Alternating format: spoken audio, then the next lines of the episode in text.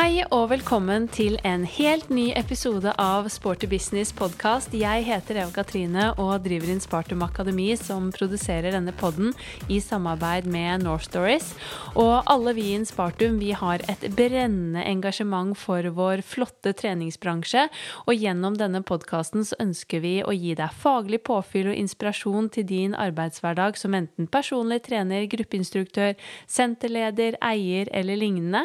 Og er du ny lytter til eh, Sporty Business, så anbefaler jeg deg også å bla tilbake i arkivet.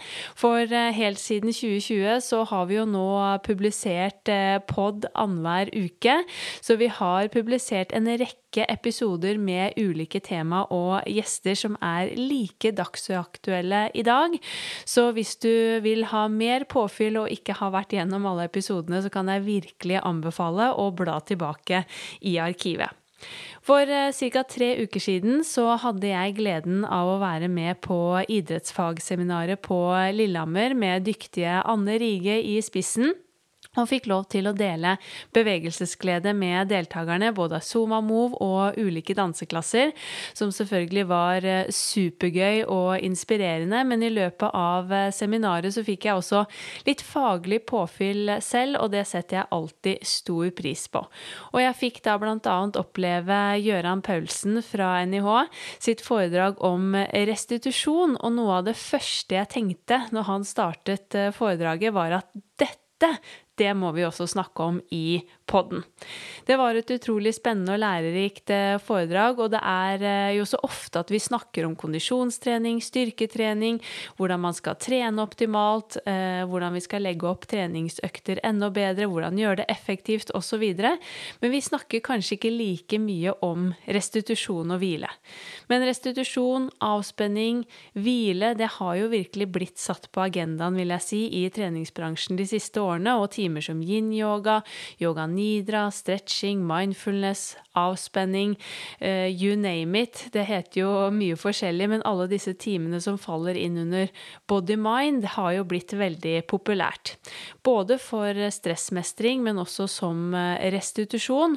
Og på lik linje som at vi ønsker å formidle korrekt treningslære til de vi trener knyttet til dette med styrke, kondisjonstrening, bevegelighetstrening osv., så, videre, så er det jo også like viktig at vi faktisk er godt kjent med begrepet restitusjon, hva det egentlig er, og at vi kan forklare dette på en god måte til medlemmene våre, samt hjelpe dem til enda mer optimal restitusjon. Så derfor så tok jeg kontakt med Gjøran med det samme, og forrige uke så hadde vi en skikkelig fin og lærerik prat om nettopp restitusjon. Og det er denne praten du skal få gleden av å ta del i nå, så riktig god lytt. Hjertelig velkommen til eh, Sporty business, Gøran. Gjøran. Veldig hyggelig å ha deg på besøk. Jeg kan ikke si eget studio, det er jo jeg som er, på, eh, er gjest i dag på idrettshøyskolen igjen, men veldig hyggelig å få lov til å låne studio her, og at du hadde tid jo, takk. Takk for at du inviterte meg. jeg var jo på idrettsfagseminaret på Lillehammer her for et par uker siden, og da holdt du et foredrag om restitusjon. Og selv om du også har vært en av de på lista mi i lang tid, som jeg tenkte jeg skulle høre om hadde lyst til å være med i poden, så syns jeg det foredraget var utrolig interessant. Og så tenkte jeg at dette med restitusjon, hvile, er jo utrolig viktig, og noe vi spesielt også i treningsbransjen eh, både fokuserer mye på, men også bør kunne mye om. Og det var som sagt et veldig spennende foredrag. Så tenkte jeg at dette må jeg skravle mer eh, med deg om. Mm. Men for de som ikke kjenner til deg så godt, kan du ikke først bare gi en sånn liten introduksjon av hvem du er? Eh, jo, jeg er eh, professor da, ved Idrettshøgskolen. Så er jeg professor to ved Høgskolen på Vestlandet. Og så har jeg utdanna fysioterapeut. Det er iallfall en kort status. ja. Jeg vet du har en imponerende CV. ja, takk. ja. Hvor, eh, ja. Hvordan ser hverdagen din ut på NIH, da? Variert. Det er alt fra undervisning i friidrett til uh, å sitte og se på muskelprøver i mikroskop. Mm. Uh, skrive litt, holde litt foredrag osv. Så, videre, så det er veldig, veldig variert. Og mange prosjekter da, som går parallelt. Mm. Har du noen spennende forskningsstudier for øyeblikket, da? Ja, jeg syns jo det. Det er mm, en del forskning på trening av kvinner. Mm. Så vi har et prosjekt gående som vi har eh, kvinner da, som med på og av, holdt jeg på å si, uten eh, prevensjon. Styrketrening og se på effekten av det. Om det påvirker eh, muskelvekst og også tilpasninger i senevev. Ja. Så det er det ikke så mange som har sett på før, så mm, det blir spennende å se. Mm. Mm. Kjempespennende. Så ser vi på kvinner i beredskapstroppen i politiet, de, hvordan opptakskravene er der. Ja. Så skal vi prøve å hjelpe til å trene noen politikvinner nå, fram til neste opptak. ja Så det skjønner. blir spennende å se om de klarer, klarer å komme inn. Eh, Ja, Mm. spennende. Men uh, treningsbransjen, da, har du noe forhold til det selv?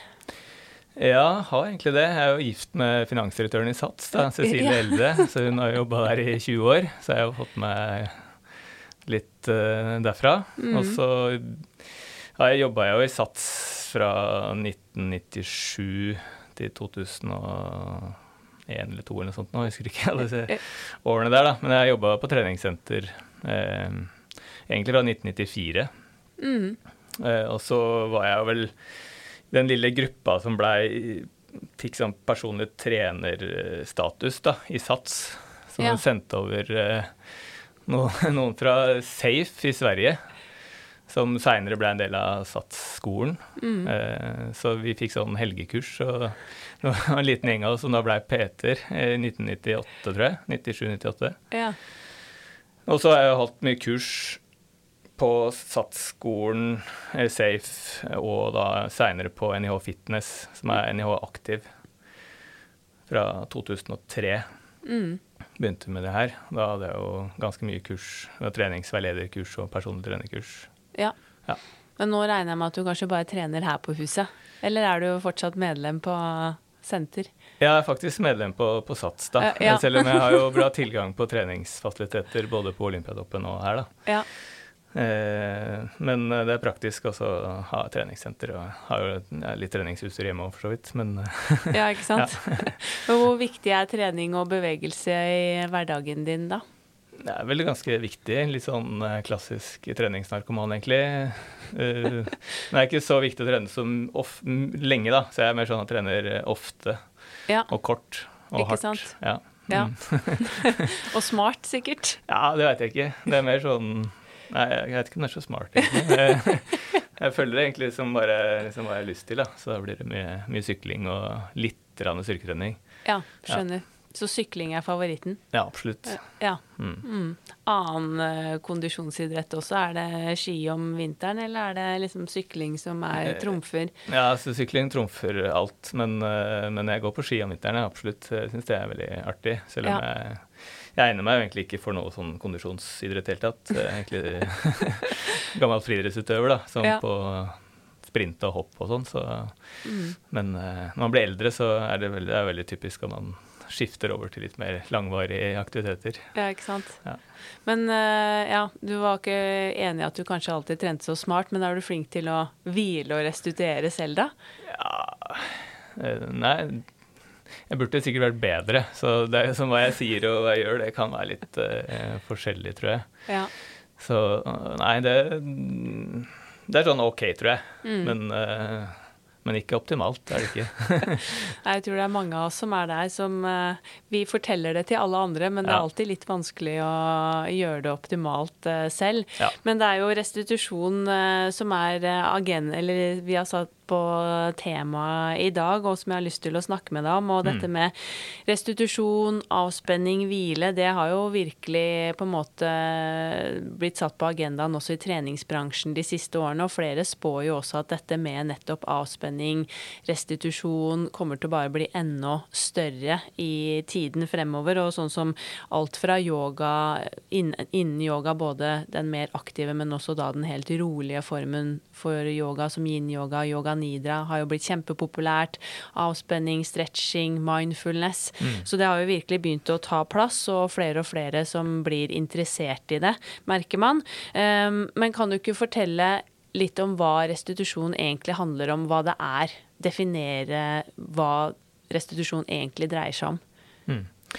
Altså, vi definerer det som at man normaliserer de prosessene som uh, igangsettes når du trener. Da, da blir du jo sliten, mm. og så presterer du dårligere. eh, særlig hvis du holder på litt tid. Og, og da er på en måte veien tilbake til utgangspunktet er restitusjon. Så det, den tiden det tar, det er restitusjonstiden. Mm. Og så er jo problemet med restitusjon at det, det foregår parallelt og litt sånn holdt jeg på å si, interaktivt. Altså det, det, er veldig mange prosesser som foregår på én gang i kroppen. Og når mm. vi skal måle restitusjon, så må vi måtte velge f.eks. muskelstyrke, da, eller eh, hvor rask muskelen er, eller noe sånt noe. Eh, så ser man på et veldig snevert område av eh, den totale yteevne kapasiteten til kroppen. Så, så, det, så det, det, gjør det egentlig veldig vanskelig å forske på det også. Ja. For du kan, når vi har gjort ulike studier, så kanskje vi har fem-seks forskjellige måter å teste restitusjon på, følge det på. Altså alt fra blodprøver til uh, hvordan du opplever det, opplever det uh, hvor restaurert du opplever det i kroppen, og, og spenst og styrke og sånn. Og så kan alle vise forskjellige tidsforløp, da. Ja. Og da er det jo litt uh, problematisk. I tillegg så har det jo, vet vi at immunsystemet påvirkes, mage-tarm-funksjonen kan påvirkes.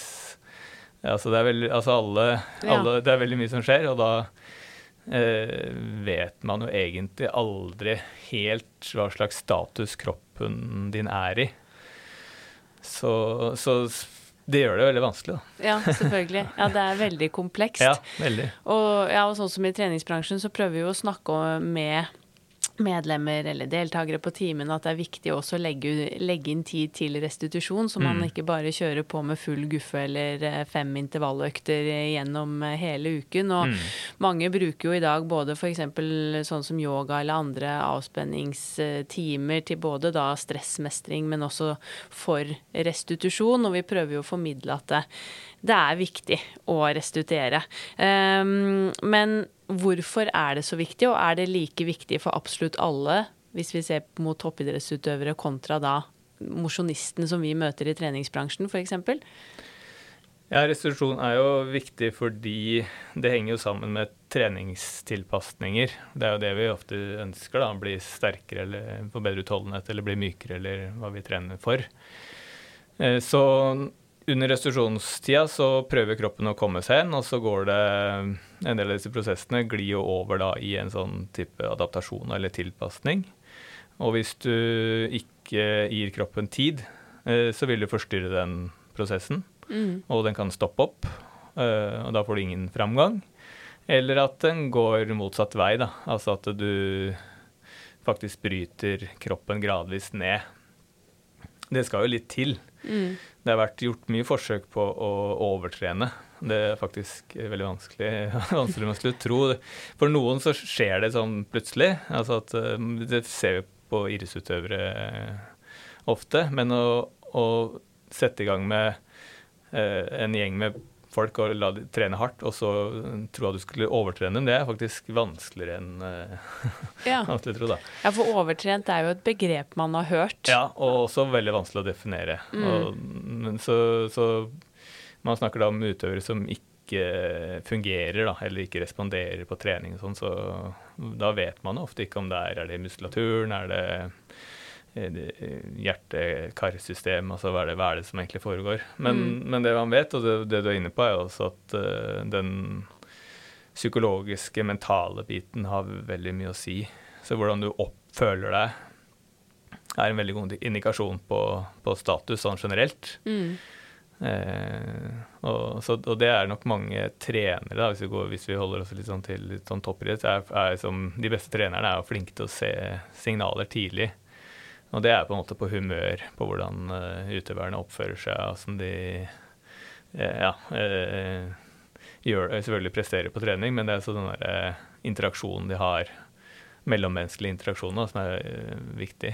Mm. Man har sett til og med på hester, da, som noen veddeløpshester, så ja. ser man jo de tidligste tegnene på overtrening er irritasjon, at ikke de oppfører seg annerledes Eh, vil ikke trene, vil ikke gjennomføre trening. Nei, nei. Så, så, det, så det, er en, det, er en, veldig sånn eh, Fysiologien og alt det der er jo, går jo hånd i hånd med psykologi. Det er jo det er, Ja, det henger bare, sammen. Det henger veldig sammen.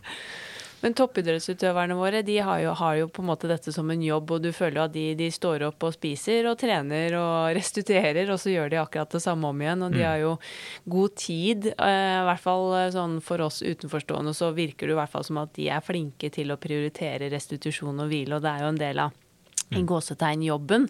Men for den vanlige mosjonisten på et treningssenter så er vel restitusjon like viktig?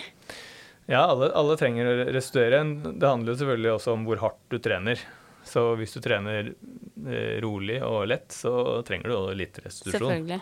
Så det går på, går på hvor hardt eh, du trener. altså, Men det også er jo vanskelig å eh, avgjøre, da. Hva som er hardt, og hva som er mindre hardt. Og da er det jo det som kan oppleves hardt, eh, som å sykle, eh, krever jo ofte ikke så lang restitusjonstid hvis eh, For da utsetter du muskulaturen for relativt skånsomt muskelarbeid da, under sykling eller, eller svømming eller roing og sånt. Men Ja. hvis du løper, så er det litt annerledes. For da er belastningen på beina så mye større, da, den mekaniske belastningen. Mm.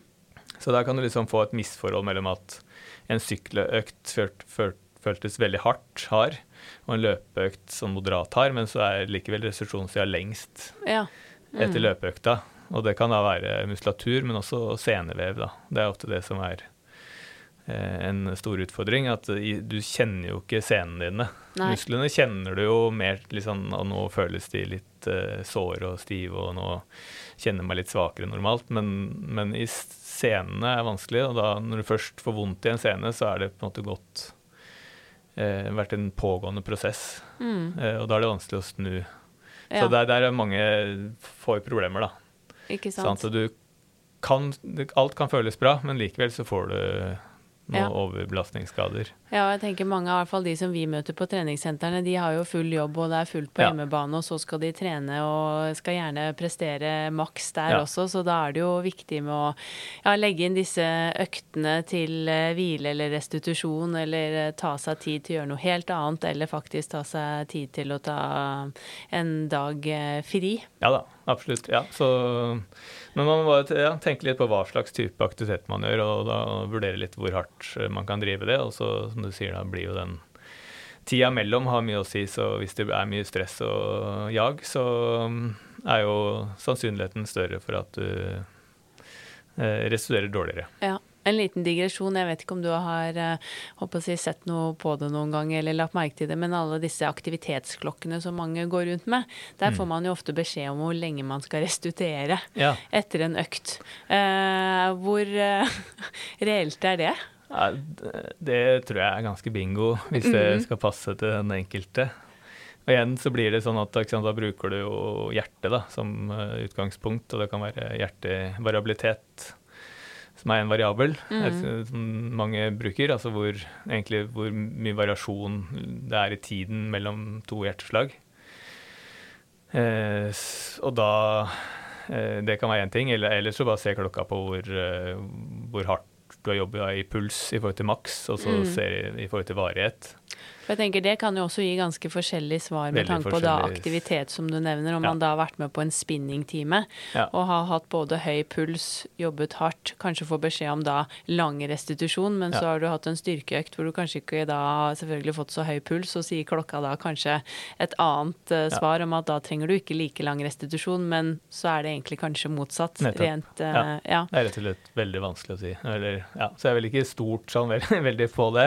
Nei. Uh, ta det med en klype alltid. ja. Mm. Ja, nei, for det er jo mange medlemmer, også, for det handler jo om uvitenhet og at man ikke kan, selvfølgelig, men det er jo mange som blir veldig opptatt av disse Mm. klokkene og stoler 110 Mm. på dem. Så står det ja, nå skal du ha 72 timer restitusjon, og så gjør det ikke noe i 72 timer.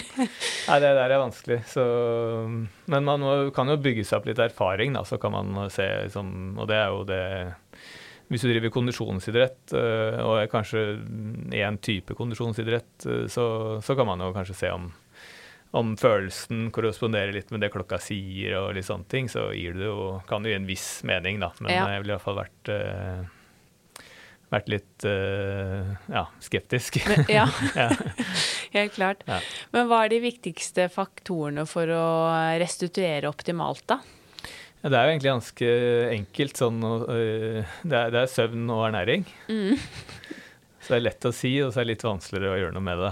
Uh, det men det er det jo helt klart største og viktigste faktorene. Uh, nok søvn, altså sju, åtte, ni timer per døgn. Og så ernæring selvfølgelig etter hva du har trent. da. Så hvis mm. du har mm. trent mye kondisjon og over lang tid, så trenger du jo mer næring og mer karbohydrater enn om du bare trener styrke, f.eks., og ikke trener så mye av gangen. Kanskje du trener noen få muskelgrupper og sånn. Da ja, det vil jo påvirke energiforbruket. Men um, å få i seg næringsstoffer og ja, både karbohydrater, proteiner og fett er selvfølgelig mm. veldig viktig. Og mikronæringsstoffene. Så, ja. Kompleks eh, ja, Mye antioksidanter og sånn via mat, og ikke via piller og tabletter. Ja, ikke sant. For det var mitt neste spørsmål. Ja. for uh, det er jo egentlig sånn at uh, det enkle er ofte det beste, og keep ja. it simple. Men så finnes det jo i dag veldig mye kosttilskudd f.eks. på mm. markedet uh, som lover det ene og det andre og bedre restitusjon osv. Og, så mm. og ja, man har jo vært borti alt fra det å ta kalde bad til det ene og det andre, eller sånne ja, massasjepistoler, eller sånne det jeg kaller sånne restitusjonsdrakter, hvor man ser ut som man tar på seg en sånn månedrakt, og så er det luftkompresjoner og sånne type ting. Altså hvor funker dette? Noe funker jo i form av at det påvirker jo, kan jo påvirke blodsirkulasjon og sånne ting der og da. Men eh, spørsmålet er om det har noe å si for form av restitusjon over eh, timer og dager, sånn som vi egentlig ønsker å liksom, komme kjappere til hektene. da. Ja. Eh, så for en, for en, idrettsutøver så er det viktig i hvert fall å tenke at er dette er jeg i en konkurranseperiode eller i en treningsperiode. Så som kalde bad har jo vist seg å kunne påskynde restitusjonen, eh, i hvert fall i sånn spenst og kraftidrett. Okay, ja. Men så har man også i studier som bl.a. Uh, Truls Råstad, kollega, har jo vist at hvis du kjøler ned muskulaturen jevnlig under en treningsperiode, så dempes muskelveksten. Ja. Så, så, det er sånn, du kan tukle med det og kanskje liksom påskynde det litt, men da blir den langtidseffekten kanskje negativ, da, at du mister treningseffekten. Ja. Og dette jo, kan gjelde både kuldebehandling, men også antioksidanttilskudd og smertedempende medisiner som Ensides eller til og med Paracet. Ja, skjønner. Men sånn som massasjepistoler eller disse månedraktene som jeg kaller det, med luftkompresjoner og sånn, har det noe for seg? Eh, da, de månedraktene har jeg ikke prøvd. Eh, Nei. Jeg skjønner hva du mener. Altså, ulike kompresjonstøy og sånn er jo mm, det, det, påvirker blodstrømmen og sånn, fordi at du rett og slett det gir en fysisk kompresjon. Så, ja. men, men, sannsynligvis veldig lite effekt uh, over tid. da. Ja. Uh, så du kan måle noe, men, uh, men Og da, det er antageligvis ikke så mye negative effekter, vil jeg tro, da. For, for det, er, det, det, er det som er dilemmaet. Altså at du, man, man, må alltid huske på at sånne tiltak kan både ha positiv og negativ effekt. Så må du måtte vurdere risikoen. Ja. Noen, noen, tiltak har høy risiko. Eh, det kan virkelig ha negativ effekt, sånn som antioksidanter eller medisiner. Mens eh, det å bruke kompresjonstøy det blir sånn enten null eller kanskje litt positivt. Eh, avhengig av hva du, har, ja, hva ja, du restuderer skjønner. etter. da. Mm.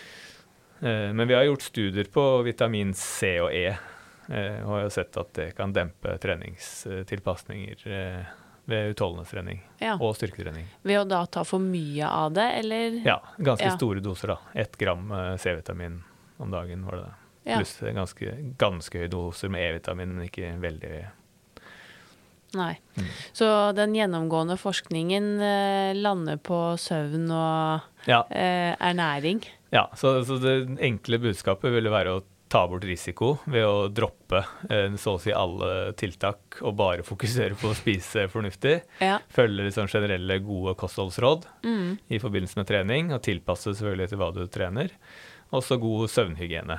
Ja. Og hvis du klarer det, så det er jo såpass utfordrende i seg sjøl at, uh, det er liksom det du trenger å fokusere på. Så, eh, ja, så kan du på en måte bruke masse tid på å ikke få noe ut av det, eller i verste fall da, få negative effekter. Det vil jo være Ja. veldig kjedelig.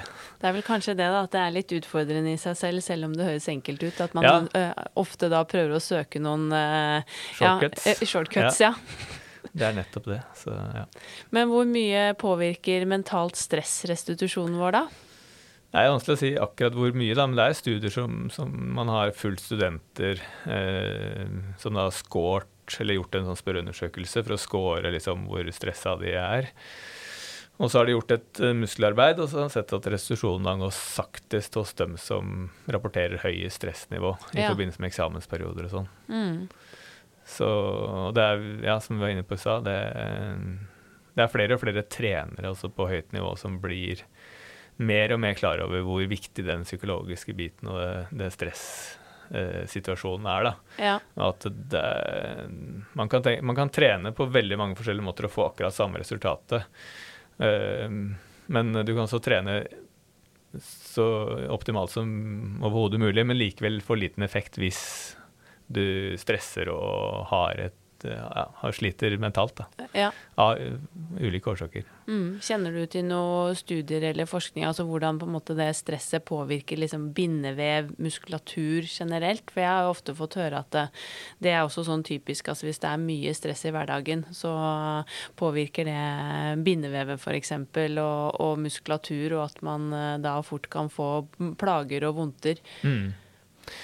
Ja, det er ganske komplekst det der òg, da. Men eh, du har jo sånne, altså de stresshormonene som kortisol og adrenalin og alle sånne ting, de, de kan jo selvfølgelig ha negative effekter. Og så har du jo eh, Kan dette interagere med immunsystemet, og så får du eh, ja, ulike sånne cytokiner, altså disse stoffene som immunsystemet kommuniserer med. De, der er det også enkelte av de som er assosiert med muskelømhet og og det vil også mm, altså nedbrytende prosesser. da.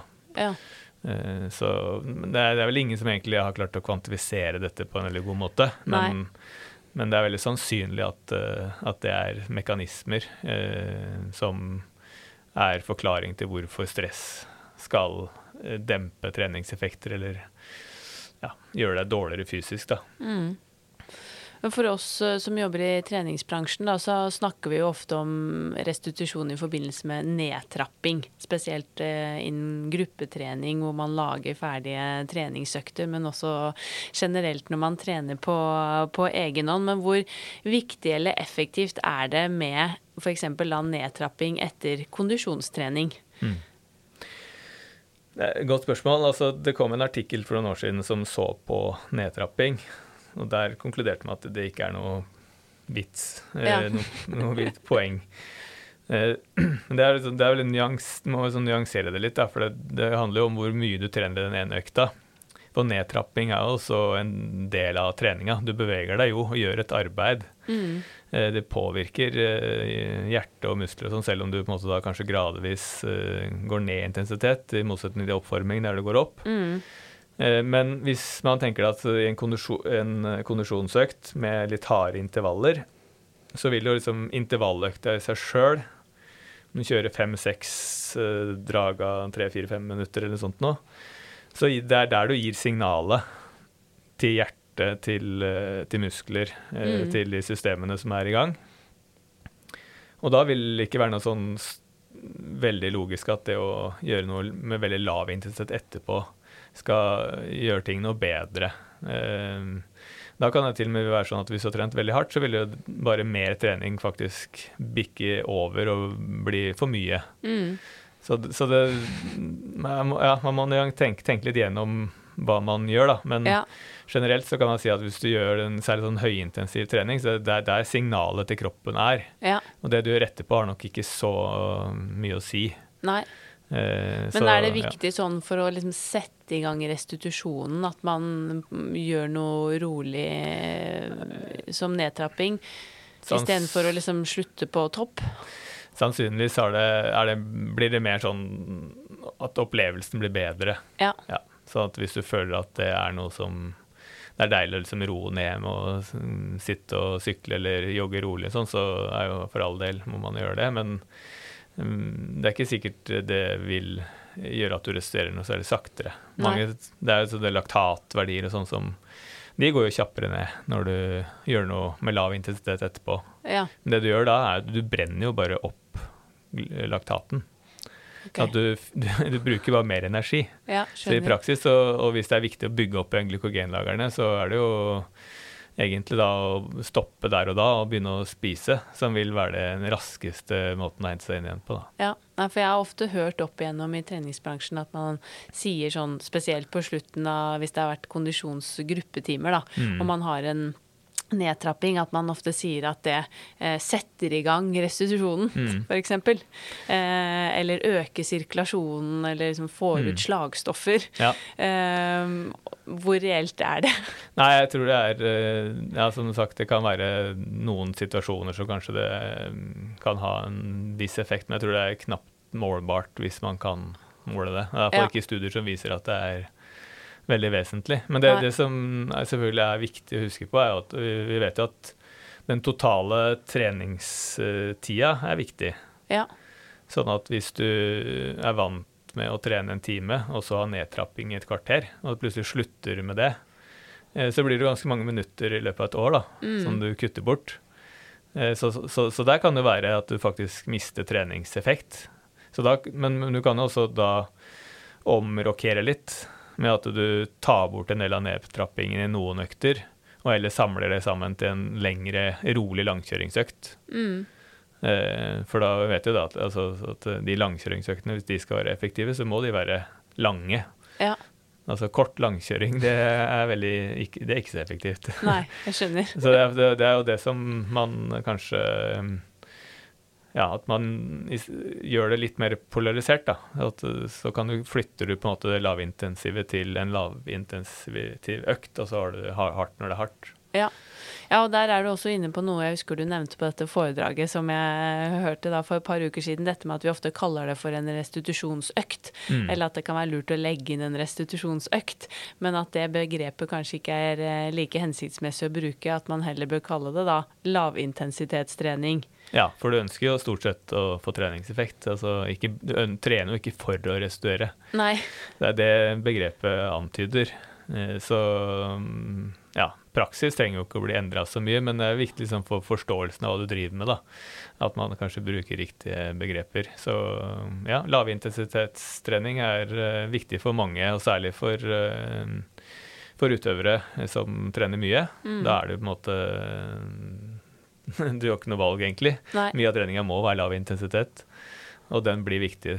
Da må den også være lang nok og mye nok, da. Ja. Men det, det gir treningseffekt, ikke bare restitusjon.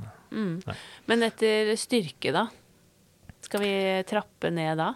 Nei, det altså igjen, altså Hvis du syns, man syns det er en behagelig måte å avslutte økta på, det gir deg noe sånn eh, eh, følelse av eh, å få, få en komplett økt, så tror jeg det er helt OK. Men ellers så tror jeg ikke det er noe vits. Nei.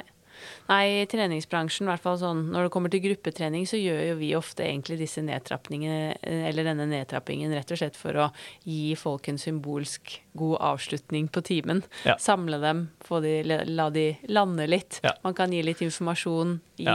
godfølelsen når de går ut døra, uten at det egentlig har så veldig mye mer effekt enn det. Men den delen er jo også en viktig del av det. Og Mm. trener man på egen hånd, så tenker jeg jo at da er det jo litt sånn at man kanskje kjenner etter. Hvis man syns for både topplokk og kropp og at det funker, eller altså placeboeffekten er jo tipp topp. Ja, ja, Så hvis man syns at det er behagelig, men det er ikke noe man da må. Nei. Man kan jo bruke anledningen til å drive bevegelighetstrening, f.eks., som er lav intensitet. Nettopp. Eh, Så, så det, det er en mulighet. Mm. Mm.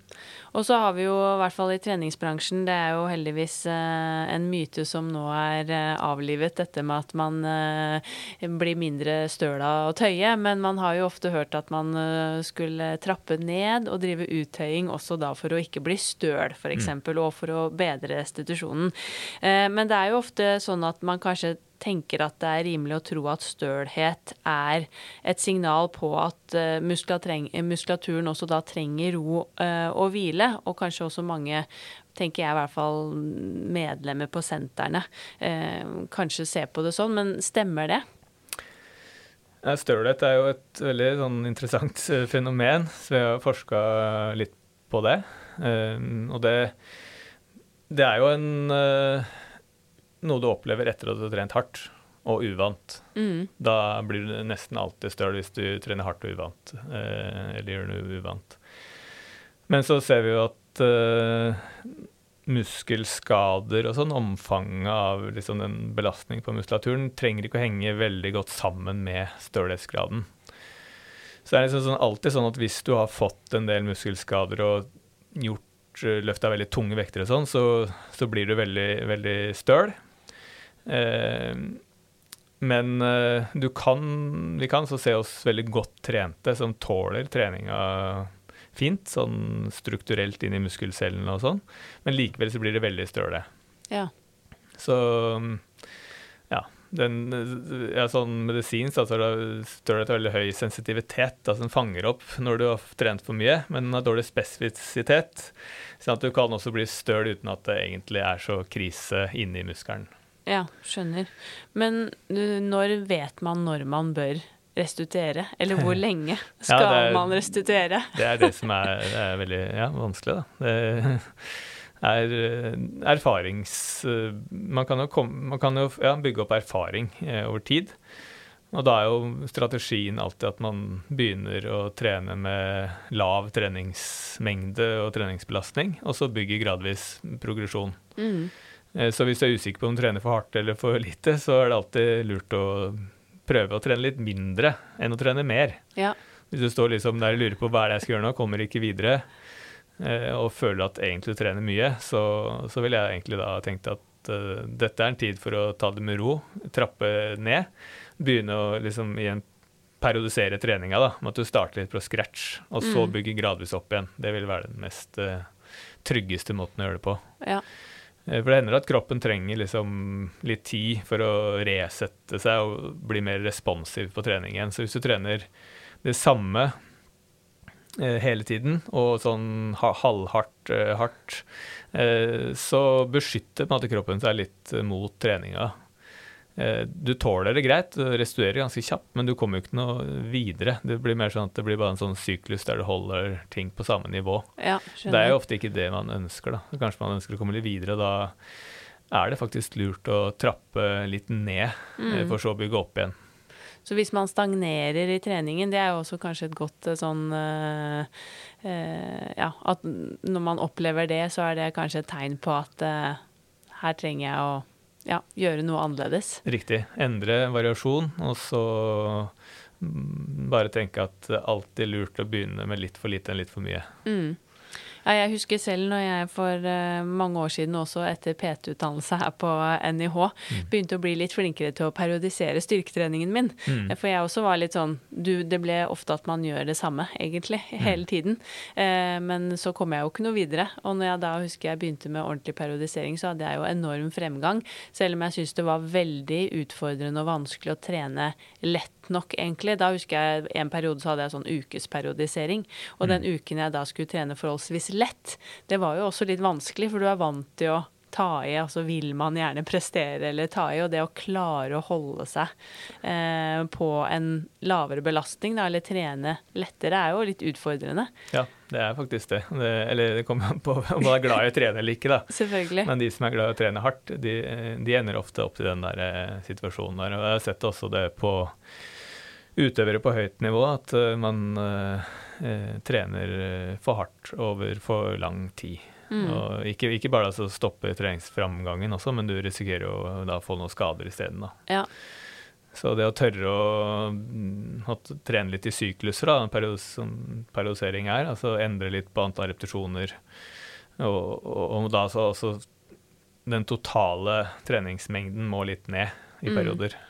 Det ja. vil være smart. Ja, helt klart. Mm. Nei, ja, jeg har gått på de Det er der jeg selv ikke trener smart, da. For jeg liker å trene hardt. Så da ja, blir det, men jeg klarer jo ikke å la være, så da blir det Da får jeg heller bare eh, ta, nyte den økta som, eh, hver, hver, gang jeg trener, og så får det være bra nok. Ja, nei, jeg har gått på noen smeller der, jeg òg, hvor man når jeg har tenkt tilbake, så har jeg tenkt at ja, jeg kjente jo at jeg burde ha stoppet, men så tok jeg to repetisjoner til, og så har jeg fått en kink i nakken, eller ja. så er det et eller annet annet som har dratt seg til. Så da burde man kanskje lytte til kroppen og stoppet litt før. Men uh, det er jo ikke alltid lett, i hvert fall ikke når man ja, er ivrig da, og syns at det er gøy. Mm. Nei, det, hjelper jo ofte å ha en trener, da. Mm. Hvis, uh, ja. Helt klart.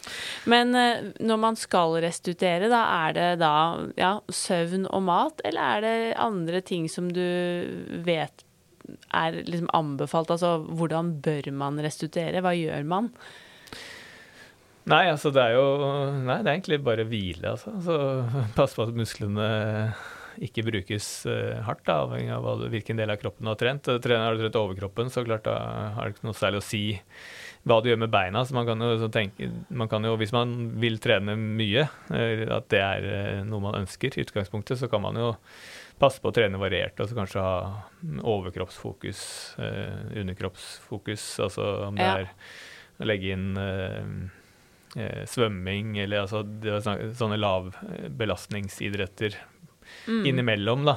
Så det egentlig den treningsplanlegginga vil jo ha veldig mye å si for restitusjonen. Ja. At du, altså du vet, altså at du er klar over hva i stor belastning, hva i lav belastning. Mm. Uh, og at du da uh, tenker at de Og nå har jeg trent uh, forside, lår, strekkapparat i beina veldig hardt. Da trenger jeg et par dager med lav belastning på de musklene. Mm. Og da må du på en måte passe på at du får det, da. Ja, det tror jeg er viktig for oss i treningsbransjen å være flinke å formidle til medlemmer også som ja. ikke kan så mye om det, eller blir da, som vi snakket om, veldig opptatt av disse klokkene. Mm. For det er sånn, jeg har nemlig hørt de som har sett på klokken, og så er det liksom så og så mange timer restitusjon, og, mm. og for dem så er restitusjon sitte eller ligge og ikke gjøre noe som helst. Og jeg tenker for den vanlige mosjonisten, da, så kan det jo være lønnsomt å i hvert fall gå en tur Absolutt. eller holde seg i aktivitet, så man plutselig ikke da får noen dager er, hvor man er helt inaktiv fordi man tror at fordi klokken sier at nå må jeg være helt i ro i 72 mm. timer, så er det det man gjør. Ja, nei, det er mange altså, no, ja, Noen trener for mye, noen trener for lite og liksom bruker det som unnskyldning. liksom så så der må man finne balansen der. Da. Men klart, eh, på mosjonsnivå så Først så bør man kanskje ikke trene så knallhardt at man må være sånn supernøye med restitusjonen, for det gir så høy risiko. Mm. Det er liksom det får toppidrettsutøverne drive med. Eh, og så får man heller prøve å som jeg var inne på, så trene litt variert og uh, ja. ja. Litt overkropp, litt underkropp. Og så trener du trener styrke, så trenger du ikke å trene Kan jo bare trene overkroppen, ja. eh, for eksempel. Ja. Mm, ja. det er et godt poeng.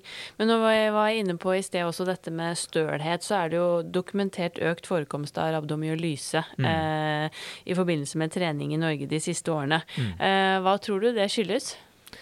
Ja, nei, det, Jeg skrev en artikkel sammen med Håkon Benestad. Den ligger på tidsskrift for Den norske legeforening, hvis noen er interessert i det. Men det som vi så på muskelstølhet og rabdomyolyse som mm. to fenomener. da.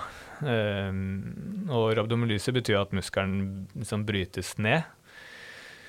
Uh, som er litt sånn alvorlig situasjon, eller konsekvens av hard, hard trening. Uh, det er vel gjort i hvert fall fire, eller i hvert fall jeg har publisert i hvert fall fire artikler i tidsskriftet. da. Det er mm. uh, fra, det er fra Ahus, Ullevål, Diakonhjemmet og Stavanger, sykehuset Stavanger som, som de rapporterer økt forekomst av rabdomyolyse de siste åra. Ja. ja. Fra 2010 pluss minus og framover. Mm.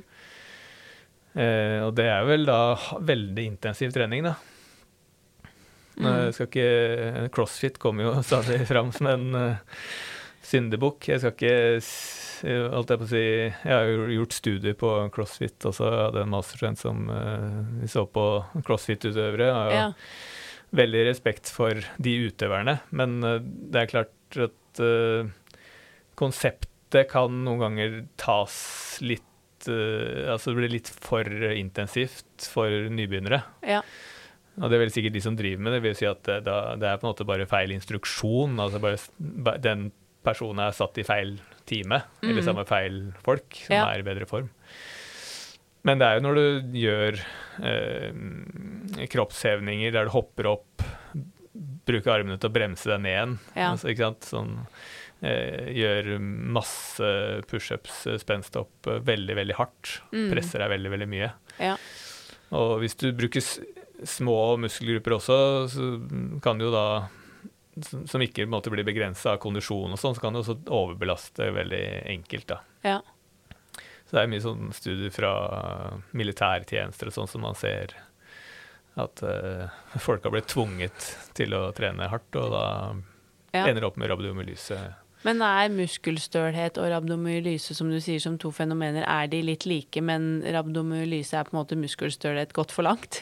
Ja, eller det er, det er to ganske forskjellige mekanismer, egentlig. For Ja. hvis man eh, muskelstølhet eh, handler jo om altså at det er et eller annet eh, nerv, Nerven i en muskel ligger jo mellom muskelfibrene. Så du kan aldri sanse hva som skjer inni en muskelfiber. Du, du, det er bare indirekte, altså det som lekker ut av muskelcellene, kan påvirke nerveendene mellom muskelfibrene.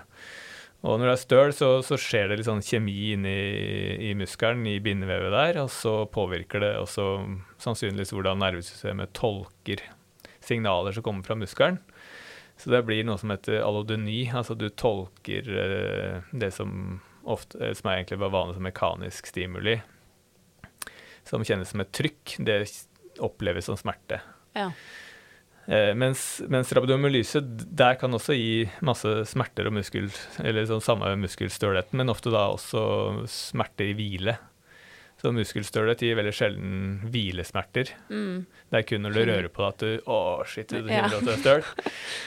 Mens rabdomyolyse kan du da mm, få hvilesmerter samtidig som at muskelen svelger veldig opp. Ja. Eh, Det er sånn veldig tegn. Så vi hadde jo sikkert tegn. Vi hadde jo ikke så lenge siden jeg kjente på overarmene til en eh, utøver oppe på Olympiatoppen. eh, ja, det endte med en tur ned på Ahus, og han blei der et par dager. Eh, ja, så, at du, så det er liksom sånn Den derre svellingen er veldig karakteristisk. Altså det hovner opp. Men det kommer litt an på hvilken muskel du har belasta. Så det er ikke alltid du får den svellinga heller. Nei. Men eh, så faren er at det lekker da stoffer, eh, bl.a. myoglobin, eh, fra muskelen over i blodbanen, som da setter seg fast i nyrene. Og da, det er det som er liksom det skumle, da. Ja. Men uh, Hvor alvorlig er abdomyolyse? ja, det er jo veldig alvorlig i, i andre sammenhenger, sånn som bilulykker og sånn som det blir veldig store muskelskader, og det lekker ut i blodbanen når man er begrensa ellers. Mens de som måtte har endt på sykehus etter å ha trent, der er det jo veldig sjelden det ikke går bra. Jeg, har ikke hørt om noe sånne veldig alvorlige tilfeller i Norge, men eh, så, så det, med litt uh, godt, godt med hydrering og intravenøs væske, så kommer de fleste seg ganske kjapt. Ja. Men, men det er en, det er en unødvendig situasjon å være i, for å si det sånn. Ja. Ja, men kommer du da ganske kjapt tilbake til trening også? Eller Ja. er det noe som kan som henge Det kan henge igjen ganske lenge. Ja. Vi jo, jo, det var jo noe jeg tok doktorgrad på, var jo da at vi induserte jo sånne her type muskelskader med altså, Ba folk gjøre sånne veldig kraftige muskelarbeid. Eh, så, tok vi masse prøver av muskelen etterpå. Ja. Eh, og da hos ca. en tredjedel av de som gjorde sånn kraftig eksentrisk sånn bremsearbeid, da, enten med lår eller overarmen, så Eh, Så en tredjedel av de, de, de fikk så, såpass mye muskelskader at det tok eh, uker å komme tilbake igjen til utgangspunktet. ja. Og, da, og, og hos noe, hos- hos noen, helt, noen spesielle så var jo opptil 40 av muskelfibrene i eh, oppløsning. Da. Ja. Så det er egentlig det som altså, det er, Da er det rabdomyolyse, men da det kun én muskel. Da. Mm. Eh, og da, da blir muskelen mindre, rett og slett. ja. Så du får én treningsøkt, og så må du da kanskje bruke to-tre måneder på å bygge deg opp igjen. ja. Sporty deltakere da, som var med De, ja, de visste jo ikke hva det gikk til. Nei, altså det var jo, det var jo få eh, som eh, endte der, da. Også, Ja. Men, eh, og ja, man kommer sakte, men sikkert tilbake. mm. Men når vi er inne på dette med rabdomyolyse, som selvfølgelig CrossFit eh, opplever jeg har fått litt skylda for, eh, Mm. uten at nødvendigvis det er berettiget. Men det er jo helt klart at denne trenden med mer sånn hit-trening og intensiv trening Mm. har forårsaket flere tilfeller av det. Absolutt. Eh, og jeg tenker at eh, når folk får høre om dette, og det står i avisen og sånn, så er jo det bare nok en ting for å skremme folk unna treningssentrene. Det hjelper jo ikke på å få folk inn dørene. Eh, men hvordan ser du på treningsbransjen som en arena for folkehelse? Hvordan syns du vi gjør det i dag? Ja, nei, det syns jo treningssenterbransjen har jo Det er jo stort potensial da, for, å hjelpe, altså for å påvirke folkehelsa. Så, så er jo spørsmålet hvem som kommer og trener, da. Det, det er jo Hvis jeg sjekka så vidt, det er jo mellom 20 og 40 avhengig av aldersgruppe, da, som trener på treningssenter i den norske befolkningen. Mm. Eh, så det er kanskje de 60-80% andre der som, som også trenger å trene. Så, Ja. så treningssenterbransjen har jo på en måte en, en jobb med å få inn de. Eh, og der er jo kanskje det, ja, kanskje det offentlige også må prøve å, prøve å samarbeide da, med Mm. at dette med trening på grønn resept og det å få folk eh, som egentlig ikke liker å trene, til å finne glede i å trene. Ja. Så treningssenterbransjen er er jo er veldig bra, for der ligger jo alt til rette med infrastruktur. Du har liksom utstyr, alt er tilgjengelig. Mm. Det er det som det er derfor folk eh, liker å trene på treningssenter også, for at det er alt. Du kan gjøre all mulig type trening. ja. Eh, utstyret er der. Mm. Eh, så stort potensial, men jeg tror fortsatt eh, Som for folkehelsa i Norge, så er det mm, mer å gå på. ja. Har du Mm. noen tanker om hva du tror vi kunne ha gjort bedre da, for å nå ut litt bredere? Ja, nei, det er ikke mitt felt, det er ikke det. Men nei, det er jo eventuelt, som jeg sier, samarbeid med det offentlige. Altså at man har, får andre grupper, da. De Mm. som mm. kanskje aldri har tenkt eller har noe motivasjon til å gå hele tatt se hva treningssenter er. Nei, det er Men at man da kanskje eh, har eh, informasjon og opplæring og ja. Eh, ellers er det jo Ja, det er jo opptil 40 det er jo veldig, det er jo mange det òg, da, for i enkelte aldersgrupper, så det må jo være bra. Ja, absolutt. Ja. Men vi ser jo det at utfordringen er jo det å klare å favne bredere, nettopp Ja. fordi det er så mange her i landet som ikke oppfyller kravene til fysisk aktivitet. Eh, at man trenger å få folk eh, i mer aktivitet. Og det er jo ikke det at det må være på treningssenteret, men i hvert fall at man kan Vi er jo en aktør som kan bidra til tilrettelagt eh, aktivitet, oppfølging, veiledning. Eh, og da er jo spørsmålet hvordan skal vi gjøre det for å Mm. klare å nå ut til flere. Mm. Ja, jeg ser, jeg ser jo særlig på styrketrening, så er det jo kan man jo trene mye styrke hjemme òg, men det er ikke noe tvil om at det er mer effektivt å ha bra, gode apparater og vekter og sånn tilgjengelig. Ikke sant? Sånn at når du ser det at det er vel i de eh, ja, over 50, da, altså de aldersgruppene oppover, så blir det jo færre og færre som trener. Ja. Og det er kanskje da styrketrening blir viktigere og viktigere. Mm. Så der vil jo treningssenterbransjen være kjempe, ja, kjempepotensial for å få flere til å gjøre den viktige treninga. Mm, absolutt. Mm. Men avslutningsvis, har du noen eh, tanker om eh, en du kunne sende stafettpinnen videre til, eh, som du selv kunne tenke deg å høre i Sporty business? Å ja, nei, det Godt spørsmål. Eh, Jeg vet ikke, du, kanskje du hører med disse, disse som var med å Jeg tenkte på når jeg prøvde å tenke litt tilbake, det var jo Gild, Gild Jarmann og Trond Hansen og noen sånne som var eh, veldig sentrale i å sette i gang eh, Ja, det var jo SATS, da, men Ja, ja. likevel hele treningssenterbransjen og utdanning og sånn i Norge. Så Mm, absolutt. de Ja, det er et ja. godt tips. Ja. Og så var jo du faktisk en av de første ja, PT-ene. Ja, nei, men det var de Det var jo Ja, så det var de Svein Ove Husnes, eh, Mm. Jørn Stian Dahl og Atle Arntzen og flere som var liksom sentrale i, Ja, ja, i å bygge, bygge opp mye av ja, både utdanninga og Ja. konsepter. Mm. ja, det er morsomt å høre også hvordan alt startet. ja, det er Ja. det. Mm. Men tusen hjertelig takk for en veldig lærerik eh, og fin eh, prat. Det tror jeg lytterne våre kommer til å sette stor pris på, så tusen hjertelig takk for at du tok deg tid. Bare hyggelig. Tusen takk for at du lyttet til Sporty business. Husk at du også alltid kan ta kontakt med oss på Instagram at sportybusinesspodkast hvis du har innspill eller tilbakemeldinger, og bli gjerne med i Facebook-gruppen vår med samme navn, Sporty business. Eller så kan du også alltid nå meg på mail evakatrine at inspartum.no.